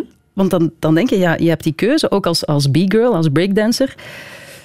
En toch is dat zo gedomineerd door mannen, dat wereldje. Ja, Hoe ik- komt dat dan? Ik denk dat dat ook gewoon deels geschiedenis is. Ehm, dat, is dat is altijd tweeledig, denk ik. Zowel in comedy als in break. Ten eerste, dus in de geschiedenis, eh, hoe lang is het geleden? 60 jaar geleden of 70 jaar geleden stonden zo goed als alle vrouwen aan de haard. Natuurlijk, er waren ook al vrouwelijke wetenschappers en muzikanten en zo. En die zijn ook een beetje weggestoken in de geschiedenis. Mensen praten daar niet over, maar die waren daar al. Die krijgen nu een straatnaam. Ja, van, ja gelukkig. wat goed is. Ja. Ehm, maar heel, het grootste deel van de vrouwen stonden aan de haard en, en zorgden voor de kinderen. Waar dat ook heel goed is, hè? want mensen moesten eten en de kinderen moesten worden opgevoed, want dat zijn de burgers van morgen. Maar eh, dat, dat, dat is zo dat er gewoon historisch gewoon een mindere instroom is geweest naar kunsten en naar alle dingen die dan nu man, gemo- man gedomineerd zijn. Dus geschiedenisgewijs zijn wij vrouwen gewoon nog niet zo lang eh, vrij om te doen wat we willen. Ja. Heeft dat een effect op? Want ik ben, wij zijn geboren in een vrij tijdperk. Hè? Maar voel je dat nog altijd, die geschiedenis? Heeft dat ook een effect op je zelfvertrouwen als vrouw op het podium? Natuurlijk. Onder de comedians is er geen enkel probleem. Alleen voor mij toch niet. Ik ben altijd met open armen verwelkomd door alle comedians dat ik ken. En ik vind dat een hele fijne plek om te zijn, aangezien dat die gewoon vanaf dat die merken, ah, dat is iemand die ook van comedy houdt. Ah, kijk tof, oké, komt er maar bij. En de comedy primeert. Maar bij publieke, of vooral in de publieke opinie of zo, langs buiten blijft dat zo een ding van zo, ah ja, je bent een vrouw en je wilt grappig zijn. Terwijl onder de comedians is er geen enkele twijfel aan dat dat zou kunnen. Er is geen, ik geen enkele comedian in mijn omgeving die dat zo, huh, bent een vrouw en hoe komt dat je hier wordt? Maar zo langs de buitenkant en voor het publiek en voor de buitenwereld blijft dat, blijft dat een ding. Ja, maar ik, ik las on- onlangs een, ehm, een onderzoek bij Engelse schoolmeisjes. Ze deden zich bij jongens dommer en minder humoristisch voor dan ze waren. Humor is blijkbaar nog altijd een onderdeel van mannelijke bewijsdrang. Ja, mensen denken altijd dat bewijsdrang de enige reden is om aan humor te doen. Dat is een uitleg dat heel vaak wordt gebruikt. Van zo, ja, mannen hebben een drang om zich te bewijzen. Ik heb ook een drang om mij te bewijzen. Maar dat is ook niet de reden dat ik humor doe. De reden dat ik humor doe, is om blijdschap te brengen naar mensen. Zonder dat dat een haantjesding moet zijn of zo. Er zijn zoveel redenen en zoveel eh, situaties waarin dat humor kan gebeuren. Ik bedoel, iedereen kent zoveel grappige vrouwen. Je hebt toch keiveel grappige vrouwen in je omgeving? Ja, maar ik zie ze bijna nooit op het podium. Nee, maar dat is ook een kwestie van zelfvertrouwen. Als ik, eh, ik heb keilang dansles gegeven aan, aan meisjes en nu ook bij de comedy zie ik gewoon dat er bij vrouwen al veel langer een idee leeft van zo, ja, maar ik, ik ga dat niet kunnen. Ja, maar ik durf mezelf niet op de voorgrond zetten. Wat, wat, wat moet daar dan aan gebeuren? Ik denk dat dat gewoon een combinatie is van allerlei dingen en waarbij dat beeldvorming in de media een heel grote rol speelt. Een heel grote rol. Niet alleen in de media als in journalistiek hier in Vlaanderen, maar ook films dat wij lezen. eh, boeken staan daar meestal al ietsje verder op voor. Maar in films dat wij zien, hoe vaak, zo al die romcoms ook in, in Hollywood. En moesten die romcoms bestaan naast andere films waarin dat vrouwen een hoofdrol spelen, waar het niet gaat over een romantische heteroseksuele relatie, dan zou er geen probleem zijn. Maar die romcomfilms en dit, hoe dat vrouwen worden weergegeven in de grote films die dat onze generatie hebben gevormd, eh, die rol die wij daar spelen, dat is altijd... Ze wist niet hoe mooi ze zelf was. En ze was een klein beetje klunzig. En zo. Ja, maar als vrouw ook weten dat je aantrekkelijk bent, dat is, ook al, dat is al te veel. Als vrouw moet je gewoon niet te veel zelfvertrouwen hebben. En moet je gewoon zo ah, klunzig en mooi en schattig zijn, totdat je de man van je dromen vindt. En dat is de boodschap dat wij onbewust jaren en jaren en jaren hebben meegekregen. Weet je dat Disney-prinsessen... Dus ik heb zo naar de Making of Frozen gekeken. Die tekenaar zegt zo... Ja, dat is heel moeilijk om die karakters te ontwerpen, want eh, als die boos zijn, de vrouwen, moeten ze er nog altijd mooi uitzien. dat is wat hij zei. Dus zelfs als een vrouw mag in die, dus die Frozen characters, die mogen niet boos en lelijk zijn. Nee, die moeten boos, maar toch nog mooi zijn. Maar dat zegt heel veel over wat een vrouw mag zijn in tekenfilms, in gewone films, in alle beelden dat wij zien. Reclame is daar super schadelijk in. Sorry, hoe vaak gaan wij nog een reclame zien waar een vrouw zit met een probleem bij de was? Oh, ik krijg die vlek er niet uit. En dan een mannenstem die komt uitleggen, u, nu met dit eh, wasmiddel. eh, En de man is altijd de profet. Allee, dat zijn allemaal dingen dat lijkt geen invloed te hebben omdat dat rap voorbij komt. Dat komt er- maar het zijn net al die druppels, al die druppels dat elke keer maar blijven bevestigen dat de vrouw in een onderschikte positie staat. Ja, ik denk dat we op twee sporen zitten. Hè. Ik zie het ook als ik eh, naar kindertv kijk met mijn zoontje. Hè. De, de, de, de vrouwelijke muis in de roze auto en de mannelijke muis eh, eh, in de blauwe auto. Of nee, zij zit naast hem. Hij zit aan het stuur. Ja. Dat is, maar we rijden op twee sporen en ik zie ook heel veel verbetering. De beeld- beeldvorming gaat erop vooruit, toch? Absoluut, zeker. Er is heel veel verbetering. Er zijn heel veel mensen dat daar heel hard aan werken om dat te veranderen. Absoluut. En dat moeten we zeker applaudisseren.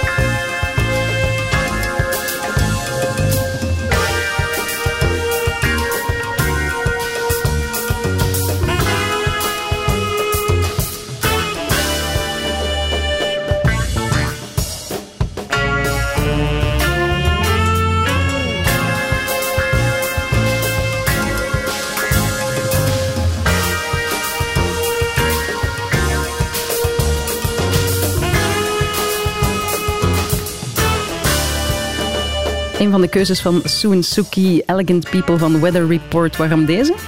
En ik vind het een heel cool nummer. Ehm, dat is zo een van de nummers waar je ja, een beetje tijd nodig hebt voor daarnaar te luisteren en er nog eens naar te luisteren, eer dat je dat echt kunt appreciëren. Ehm, maar dat is echt een keigraaf nummer. Dat is, ja, dat is een van mijn favoriete groepen, eh, eh, Weather Report. En eh, dat doet mij ook denken aan een, een tijd in mijn leven dat ik eh, samen was met een jazzmuzikant. Oh, Ja, ja. dat lijkt me... En, eh, dat kan een dramatische tijd zijn, maar ook een hele avontuurlijke tijd. Nee, dat was een fijne tijd. Ja? Ja, dat was een leuke tijd. Geweldig.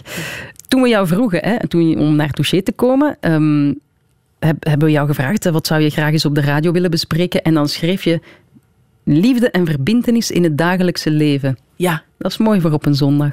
Ja. Maar je gelooft echt in de kracht van de liefde. Ja, en ik denk ook dat dat veel eenvoudiger is dan dat mensen denken. Want eh, allee, dat is super oud en dat is zo, iedereen heeft het al gezegd, maar zo... Be the change you want to see in the world. Hè? Ehm, en dat, voor mij ligt dat in heel kleine dingen. Mensen denken altijd, oh ja, ik moet meer aan het goede doel geven. Nee, dat gaat over dagelijkse contacten dat je legt. Als je naar de bakker gaat en je lacht lief naar de, naar de vrouw of meneer die achter de, achter de toog staat, dan je verspreidt al liefde. Dat is al genoeg. Dat moet niet zo grote gebaren zijn. En als je wilt geven aan het goede doel, goed, hè, doe. Maar zo liefde uitstralen en positiviteit uitstralen, dat ligt echt in kleine dingen. Dag zeggen tegen de mensen op straat, vriendelijk zijn, maar ook dingen, gewoon respect tonen aan mensen. Gelijk bijvoorbeeld, er komt hier dan een kuisploeg waarschijnlijk hier. Ik ga deze hier niet, mijn melkjes en mijn koffie, ik ga dat hier niet laten staan. Ik ga dat op de kar zetten en het leven zo gemakkelijk mogelijk maken voor de kuisploeg. Dat zijn zo kleine dingen eh, dat klinkt misschien zo wat denigrerend, zo bedoelde ik het niet. Maar eh, ja, gewoon in alle dingen, ook in het verkeer. We zijn zo rap, ik ook. Zo rap om te denken, oh, wat zijn al die andere mensen hier aan het doen? Zo, oh, iedereen moet hier weg, ik sta weer in de file. Nee, die andere mensen zijn exact hetzelfde aan het doen als jij. Die willen gewoon ergens geraken. Het zijn gewoon mensen op weg op zondag naar de bomma. Of naar, weet ik veel, of naar de tennis, of naar de dingen, of naar de... Dus... Dat als- is jezelf eigenlijk constant een beetje corrigeren als je, als je vol stress zit. En Ja. je wil je eens even afreageren. Ja, denk gewoon, ga altijd terug naar de liefde en naar, naar, naar, naar positiviteit, zonder dat te forceren. Maar denk gewoon, dat brengt gewoon bij mij heel veel rust als ik nadenk van zo, als je vertrekt vanuit liefde, dan is er, dan is de, de haat, eh, love trumps hate, dan is dat snel weggevaagd of zo. Mm. Ja. En wat voor iemand ben je in de liefde en, en in vriendschap? Want eigenlijk is dat hetzelfde. Hè? Ehm, ik, ik ben eh, een gever, ik geef heel veel. Ik geef ja, een groot stuk van mijzelf eigenlijk. Ehm, omdat dat voor mij de enige manier is om, om, om liefde te hebben, is, is, is om te geven. Ehm, maar als je dan denkt ook aan zelfliefde, is nooit meer te geven dan dat je, eh, dan dat je aan kunt van te verliezen. Wacht. Dus wat je geeft aan een andere persoon in een liefdesrelatie, daar mocht je nooit jezelf in verliezen. Mhm. Want als die persoon dan wegvalt, en dat is ook liefde, beseffen dat dingen eindig zijn. Maar is dat niet het risico? Dat, dat is toch je, je verliezen in de liefde? Of, of je, of je, Ja, je maar- laten gaan in de liefde? Ja, maar juist dat denk ik dat dat. ehm, ik denk dat je je mocht. Je mocht je niet volledig laten opgaan in liefde. En dat wil niet zeggen dat je niet een heel groot deel van jezelf aan je partner geeft. Je zit in een heel gelukkige, goede relatie, waarbij wij elkaar heel veel geven. Maar je moet ook altijd blijven beseffen, natuurlijk, als, het, eh, als de liefdesrelatie gedaan is, dat gaat veel pijn doen. Hè? Maar ik wil niet zoveel hebben opgegeven dat ik mezelf compleet ga verliezen. Ja. Geworteld blijven in jezelf, Ja, je en eigenheid bewaken. ja, en daar, daar, daar denkt mijn vriend, die denkt daar ook zo over. Dus Heb, heb je dat al meegemaakt? dat ik mezelf... Ja, ja, ja, Ja. zeker. Ja, ja, ja. Ik heb al relaties gehad waarin, dat ik, waarin dat ik alles opgaf. Maar, maar ik gewoon compleet... Ik zal mijn leven nu compleet aanpassen aan dat van u. Ik ga niet meer afspreken met mijn vrienden. Ik ga gewoon... Nee, want dan kan ik bij u zijn en dan kan ik dit en dan kan ik dat. En eigenlijk alles veranderen in het teken van mijn hobby's niet meer doen, slecht studeren, gewoon mij helemaal geven aan een relatie. En dan dat die relatie gedaan is en dat je merkt, ah, mijn hele bezigheid in het leven was gewoon een andere persoon. Dat moet het nooit laten gebeuren. Een hele klassieker, een grote klassieker als je jong bent. Hè? Ja, heel Ja. hard. Heel hard. En ik ben blij dat ik dat heb meegemaakt in korte relaties. Mensen zeggen altijd, je moet je gevoel volgen, maar zonder je hoofd loop je verloren. Hè? Ja, absoluut. Dat is echt een samenwerking tussen gevoel en hoofd. Want uw gevoel kan uw hoofd om de tuin leiden. Ja, Ja. klopt. Lees jij graag? Ik lees heel graag, ja. Welke boeken hebben jouw denken gevormd? Ehm, oh, eh, ja, eh, oh, dat vind ik een moeilijke vraag. Ik, ik, ik lees ook zoveel dat ik, ik... Ik hou van de verzameling van al die boeken die mee...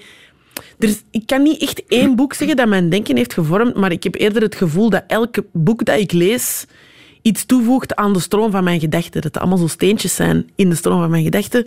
Eh, en natuurlijk, sommige boeken hebben een zware impact op u. Of gelijk bijvoorbeeld, ik heb eh, natuurlijk, ja, iedereen heeft die wel gelezen, denk ik, eh, The Handmaid's Tale van Margaret, Margaret Atwood. Ik heb hem gekeken. Ah, van, ah ja, ook gekeken. Of iedereen kent het verhaal wel. Maar dat boek en ook de opvolger, de Testaments, heb ik ook net gelezen, is net uitgekomen, heeft een zware impact op mij gehad, omdat eigenlijk, waar het erin omschreven wordt, is dat ook soms niet zo heel ver weg van de realiteit. Eh, niet in België, maar in andere landen. Eh, ik kijk alleen maar gewoon naar Amerika of naar eh, waar vrouwen worden ontzegd van, van abortusrechten en eigenlijk worden ontzegd van het recht te hebben over de beslissing van hun eigen lichaam, wat ermee gaat gebeuren. Ook in het begin van die boek worden dan zo, ja, vrouwen worden dan gewoon, hun bankrekening wordt afgeschaft. En dat wordt allemaal gegeven aan de man. Dat is ook allemaal, dat is allemaal al gebeurd hè, in, deze, in, deze, in onze maatschappij. Dat is niet zo heel lang geleden. Mijn oma eh, mocht op een gegeven moment geen eigen bankrekening hebben. Dat moest allemaal via opa gaan.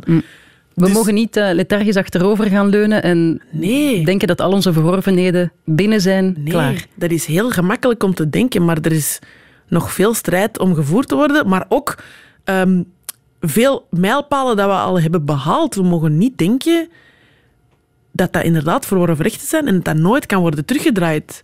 Want er zijn mensen met allerlei gedachten en met eh, ja, wensen om de maatschappij terug te draaien naar waar het was 50 jaar geleden.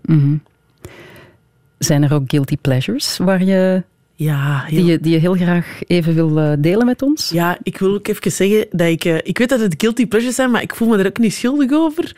Want ik vind dat iedereen heeft recht op een portie trash en, eh, om het leven door eh, aan te kunnen. Ja? Eh, ik kijk heel graag op YouTube naar eh Dr. Phil. Dat vind ik Dr. zalig. Phil, de, de half malafide dokter van, van Oprah. Ja, inderdaad. Ja? Ja, ja, Die is De helemaal- psychiater. Psychi zo gezegd, de psychiater is helemaal geen diploma of zo, maar ja, eigenlijk gaat hij in, in zijn afleveringen, lost hij mensen hun levens op. Ja. Waar hij natuurlijk... Allee, voor je leven op te lossen, als je in een, in een diepe situatie zit, pakt jaren van eh, psychologen of psychiaters en behandeling en een positieve inzicht. Dat is niet iets dat je in een aflevering van 20 minuten gaat oplossen, maar ik vind dat gewoon soms fijn om te kijken en om te denken, nee, dat kan wel. Gewoon zo even in die wereld zijn van zo, Dr. Phil gaat het allemaal oplossen voor u. Gewoon zo, de gedachte dat er een, iemand is dat dat kan, dat is even fijn en soms wil ik geloven dat de wereld zo is.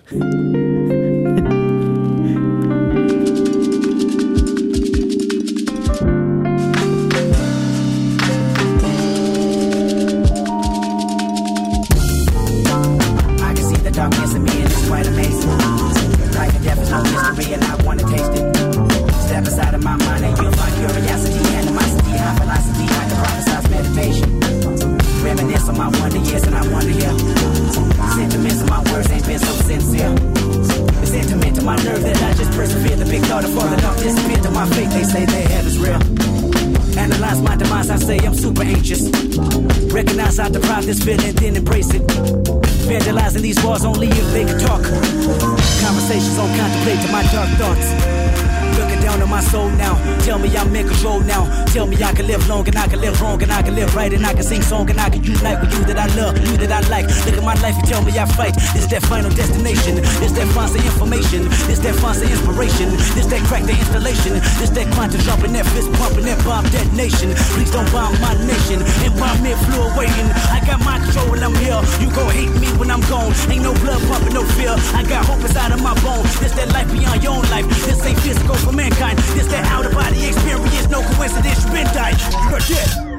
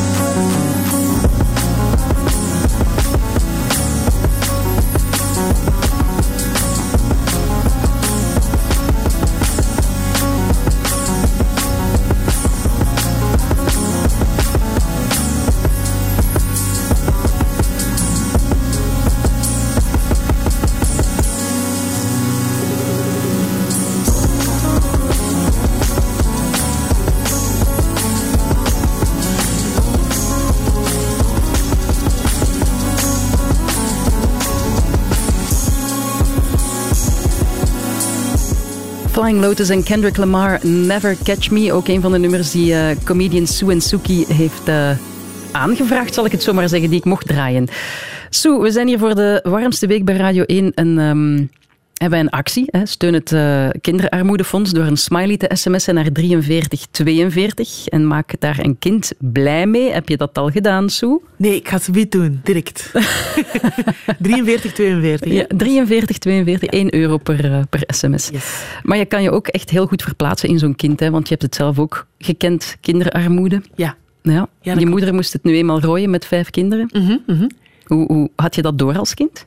Eh, als je heel klein bent, niet. Omdat dan toch alles, alles is spelen als je klein bent. Dus wij moesten bijvoorbeeld in de winter... eh we hadden thuis eh, we hadden twee... eh, ben, alleen benedenverwarming. Zo twee gaskachels. En boven was er geen verwarming. Dus, en dat was ook best wel een tochtig, tochtig huis. Eh, dus in de winter, als, in de tijden dat het nog echt koud werd... Dat, ik weet niet of dat nu nog gaat gebeuren, maar in de tijden dat het nog zo min, min 10 werd of zo... ehm, dan moesten wij beneden slapen. Maar beneden, zo, naar alle matrassen, dan eh, brachten wij dat naar beneden, naar de woonkamer. Maar ik vond wij vonden dat eigenlijk super plezant. Want wij konden daar overdag campen mee bouwen en zo met die matrassen. Dus dat was het beste wat er was. Het is gewoon, als je, als je zo meer beseffend begint te zijn, zo rond wat is dat, rond je 14 of zo, of rond je 13, dat je zo ziet, je gaat ook zo naar andere vriendjes thuis en je ziet zo, ah, die huizen hier zien er wel een beetje anders uit. Ah, hier is geen behangpapier dat van, behangpapier dat van de muren hangt en hier is, hier is altijd eten en het is hier overal warm en het is hier zo, dus dat is... Dan, dan is dat ineens je beseft van, ah, dus dat, je, dat het anders is bij u thuis. En dat je bijvoorbeeld ook, een van de voorbeelden dat ik altijd geef, is dat je bijvoorbeeld geen winterjas hebt. Dus ik heb mijn eerste winterjas, heb ik een, een jaar of vier geleden, eh, pas gekocht. En daarvoor had ik het in de winter altijd koud. Ik haatte de winter ook. Maar ja, je moet eens inbeelden, ook voor, vijf kinderen, voor één kind al een winterjas kopen, dat is mega duur. Echt een goede winterjas, dat heb je niet voor minder dan 100 euro. Dus dat dan maal vijf ja, op eh, maar zoveel euro in de maand. Ja, dat ging gewoon niet. Dus ik droeg altijd van alle truien over elkaar, maar ik had het eigenlijk altijd koud. Maar je bent dat vrij laat gaan beseffen. Mhm, Hoe oud was je dan? Ehm, had ik besefte dat we echt weinig geld hadden. Ja, dat begint als je zo dingen begint, wilt beginnen doen, op je veertien zo. Ja. Je wilt naar vuiven gaan, je wilt naar dingen gaan. Als kind kijk je niet van, jij hebt zo'n kleren aan en, en die zijn duurder of... Je merkt dat een klein beetje, maar als kind is... Ja, kinderen spelen ook met alles. Hè. Je speelt met een tak, je speelt met een dennenappel. Je hebt eigenlijk niet superveel nodig. Het begint gewoon wanneer dat je briefjes moet meebrengen naar school. Wanneer er een schoolreis moet worden betaald. We gaan naar Plankendaal of weet ik wat. En iedereen moet eh, 800 frank meebrengen. En jij weet dan al de dag dat je 800 frank gaat moeten meebrengen, moet jij een briefje meebrengen waarop dat staat, mogen we alsjeblieft later betalen. En natuurlijk, wij zaten wel altijd op een goede school, die dat, eh, de, de K3 hè, in, uh, in die dat, ook wel accepteerde die dat altijd zochten naar de beste oplossing, samen met mijn mama.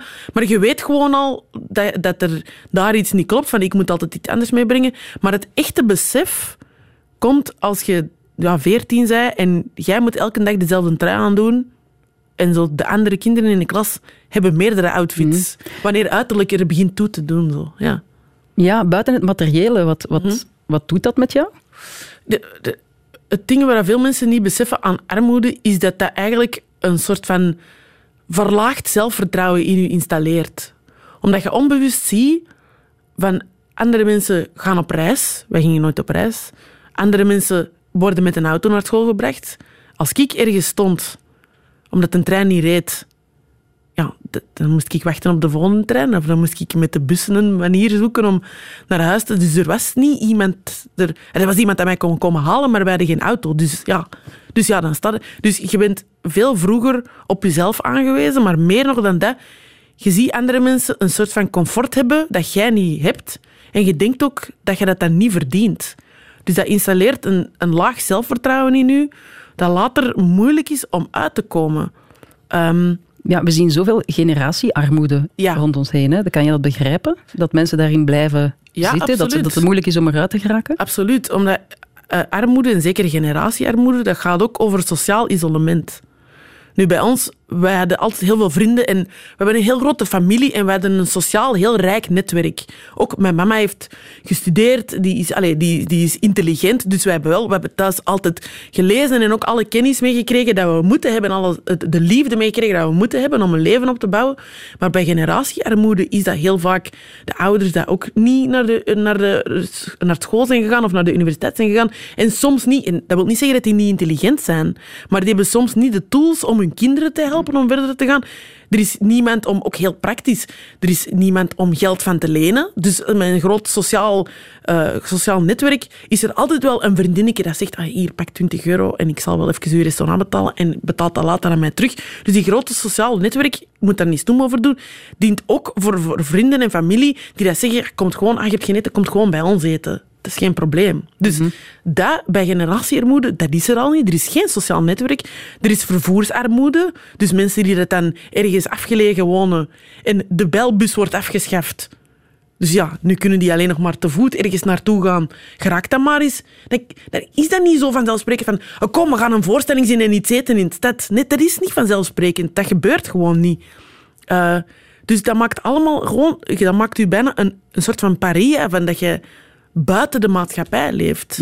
Eh, En dan had je natuurlijk het geluk met jouw netwerk. Maar Is die armoede toch nog lang aan jou blijven plakken? Is, is, was het voor jou moeilijk om eruit te geraken? Ja, dat, dat is heel moeilijk om uit te geraken, omdat dat een soort van... Dat is gelijk drijfzand. Omdat... Eh, je is- to spend money... eh, to make money, you gotta spend money, zeggen ze altijd. En dat komt, klein in, dat komt terug in duizend kleine principes. Bijvoorbeeld de Busypass. Eh, wij konden allemaal... De Busypass is een supergoed initiatief. Dus zo kunnen jongeren voordelig reizen met de bus en met alles van de lijn en met de tram en zo. Maar dat kost toen in de tijd dat kostte 50 euro. Ja, en mijn mama kon niet in één keer voor vijf kinderen 250 euro leggen. Dat ging niet. Eén keer per Dat is veel te veel. Dus dan moesten wij altijd busticketjes kopen, apart. Van 1,50 euro. was dat toen nog, op een duur 2 euro. Dus, maar je verliest veel geld daardoor. Maar dat komt gewoon omdat er is geen... Er is geen 50 euro om in één keer te leggen. Want dat wil zeggen dat we dan morgen geen eten hebben. Dus en dat systeem herhaalt zich tientallen keren, tientallen keren, waarin dat je eigenlijk door meer ge- geld uit te geven eigenlijk geld zou besparen, maar er is niet meer geld. Er is ook geen spaarpot, er is niks dat opzij is gezet. Dus Ja, mensen denken altijd, ja, maar als je dan een job vindt, dan kom je er toch wel uit. ja, maar dat is zo langzaam. Want je bent niet, je bent niet als heel je familie, heel je gezin in armoede zit, wil zeggen, vanaf dat je geld begint te verdienen, gaat dat ook terug naar de anderen in het gezin. Dat gaat terug naar mijn broers. Ik bedoel, ik help mijn broers met hun centjes en zo, als die student. Maar dat is allemaal niet erg, dat is geen schande. Ik ben ook blij dat ik dat nu kan doen. Maar dat pakt gewoon een lange tijd eer dat je daaruit geraakt. Achterstallige rekeningen, achterstallige schulden, dat bouwt allemaal op. Hè. Heel vermoeiend ook. Dat is heel vermoeiend, omdat je vaak voelt, ik pak één stap vooruit en drie stappen naar achter. Ja. En om dan te kiezen voor je passie, niet gemakkelijk, hè? Nee, ik heb echt de snoemste weg gekozen. Allee, fi- financieel gezien. Ik wil zeggen, ik ben heel blij met de keuzes die ik heb gemaakt. Eh, omdat ik er ook van overtuigd ben dat de jobs die dat je doet en de dingen die dat je doet om geld te verdienen, mee je karakter vormen en mee je, je, persoonlijkheid vormen. En ik heb mij nooit... Ik heb ook miljoenen jobjes gedaan. Hè. Ik heb naast mijn comedy naast mijn dans... En de- ik heb echt... Ik heb in duizend horecazaken gewerkt. Ik heb in de bibliotheek van mijn school gewerkt. Ik heb allerlei soorten... Ik heb in een callcenter gewerkt. Ik heb allerlei soorten jobjes gedaan om mezelf te blijven ondersteunen. Eh, en daar is ook absoluut niks mis mee. Maar het is hard werken om daaruit te geraken. Ja. ik kijk naar jou en ik, en ik zie iemand die ongelooflijk positief is. Hè, energiek, ontzettend veel humor. Zondagskind, denk je dan. Maar toch ook veel kwetsuren. Hè? Ehm, in focus, eh, Knak Focus praat je bijvoorbeeld over hoe je op je elfde misbruikt bent. Eh, ja, hoe je dacht, zoals zoveel, dat het normaal was. Ik bedoel, dat, dat, dat snijdt, hè? Dat, dat, dat laat littekens achter. Ja, absoluut. Maar ik denk dat je daar... eh in elke situatie is anders. Ehm, maar dat zijn dingen waar dat je best... En, allee, ik, ben, ik zit al eh, vier jaar of zo in eh, therapie bij een psycholoog. Maar ook naar een psycholoog gaan is een enorm privilege. Dat kunnen betalen. Een goede vinden die dat bij u past, die dat bereikbaar is voor u. Want nu rijd ik daar naartoe eh, op 20 minuutjes. Maar in het begin ging ik met de bus, had ik nog geen rijbewijs. En dan was ik anderhalf uur onderweg heen, anderhalf uur onderweg terug. Je moet daar tijd voor hebben. Je moet daar het geld voor hebben, want dat is ook niet goedkoop. Dat is zijn geld dubbel en dik waard, maar je moet het kunnen betalen. En ik moet zeggen dat therapie heeft voor mij echt al zoveel grenzen verlegd en zoveel voordelen gebracht dat ik zou, ik zou toch willen pleiten dat therapie eh, betaalbaarder moet worden voor iedereen. En, eh, want dat is, ja, dat is een enorm privilege om dat te kunnen doen. Het is een grote kost, maar ook een grote investering in de maatschappij. Maar dat heeft me echt al, en daar ben ik zo van overtuigd, dat heeft echt mijn leven gered. Ja. Ja. Met al die kwetsuren, hè, is, is humor dan een schild of gewoon een handige tool of een talent? Dat, want een Ehm, talent is het sowieso, maar Ja, het is weer ook hier eerder een ding van zo, ik kan niet anders. Dat is mijn uitlaatklep, dat is mijn... Ik kan niet anders dan ergens grappig te willen kunnen zijn. Dus dat is... Is het dan... Misschien is het een overleving, misschien is het een schild, maar soms wil ik niet te hard denken over waarom dat het is, maar eerder appreciëren dat het er is. wij appreciëren het ook. Merci. het werkt wel. Ja. Y'all haters corny with that Illuminati mess. Paparazzi catch my fly and my cocky fresh. I'm so reckless when I rock my Givenchy dress. I'm so possessive, so I rock his rock necklaces. My daddy Alabama, mama Louisiana. You mix that Negro with that Creole, make a Texas Bama.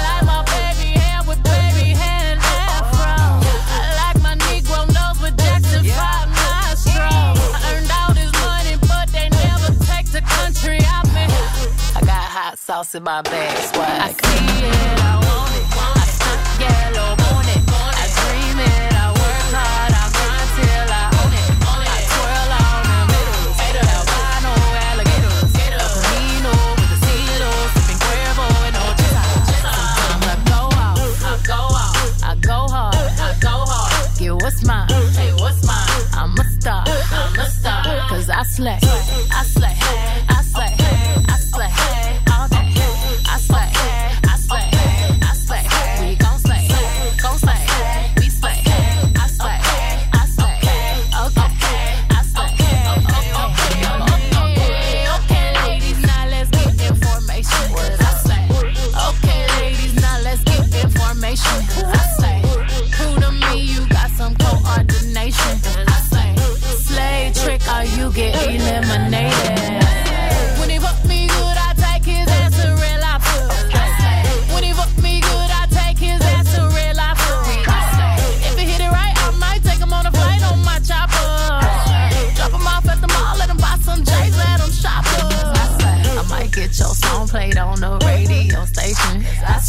might get your song played on the radio station. Cause I slay. You just might be a black Bill Gates in the making. Cause I slay. I just might be a black Bill Gates in the making. It, I want it. Want it.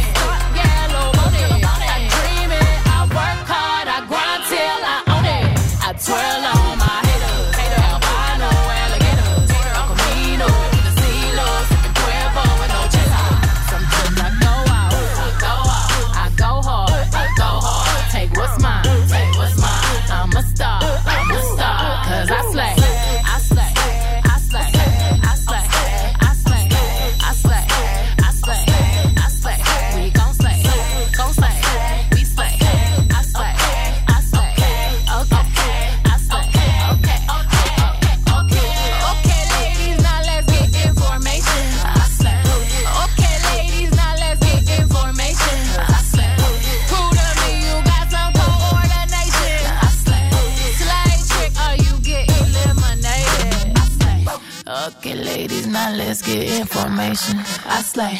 Okay, ladies, now let's get information. You know you that bitch when you cause all this conversation. Always stay gracious, best revenge is your paper.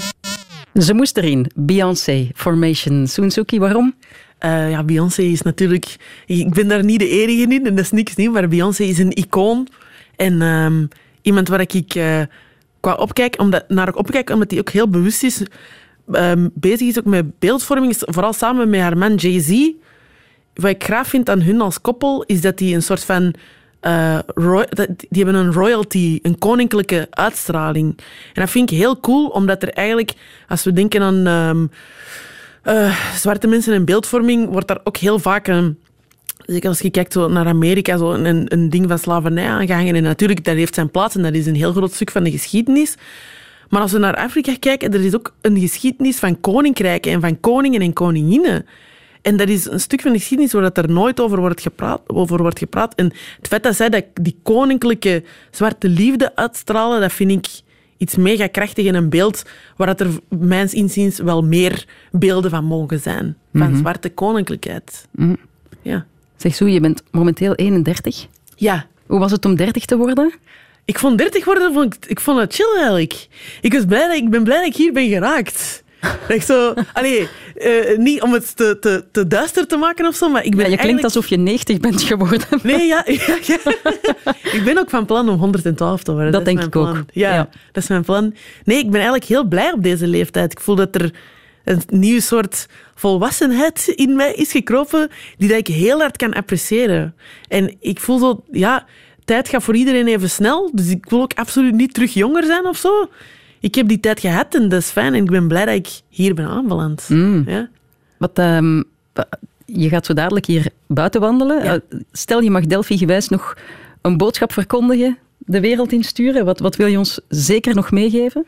Eh, ik wil zeker nog meegeven. eh goh, dat is, heel corny, hè? maar ik wil graag een boodschap van liefde meegeven aan iedereen. Eh, en ik hoop voor de mensen ook die het moeilijk hebben vandaag, dat die toch eh, misschien een klein momentje van verlichting vinden in iets, in muziek, in lekker eten, in gezelschap. Eh, want het leven is niet gemakkelijk, maar we zijn er voor elkaar om elkaar daardoor te helpen. Mm. Ja. Je bent een beetje een moderne priester, weet je dat? Ja, vind dat sorry. mooi. Ja, we zijn het wat kwijtgeraakt, maar teruggevonden. Zo, ik zie jou vanavond op eh, de tweede nacht van de wetenschap in eh, Leuven voor het eh, Kinderarmoedefonds. Wel helemaal uitverkocht, maar binnenkort zien we jou dus ook op één. Dan kom je elke week ons tv-scherm voorbij. Dat worden echt spannende tijden. En je voorstelling loopt ook nog? Ja, Zootopia loopt nog en ik kom nog eh, overal in Vlaanderen. In het voorjaar en volgend jaar ook nog. Ik ben daar blij om, echt waar. Dank je wel om hier eh, vandaag te zijn. En maak er nog een schitterende dag van. Wij gaan ondertussen naar het nieuws van 1. Dank je wel om te luisteren naar Touché. Volgende week weer aan Friedel. Herbeluister Touché via de podcast, de Radio 1-app en radio1.be.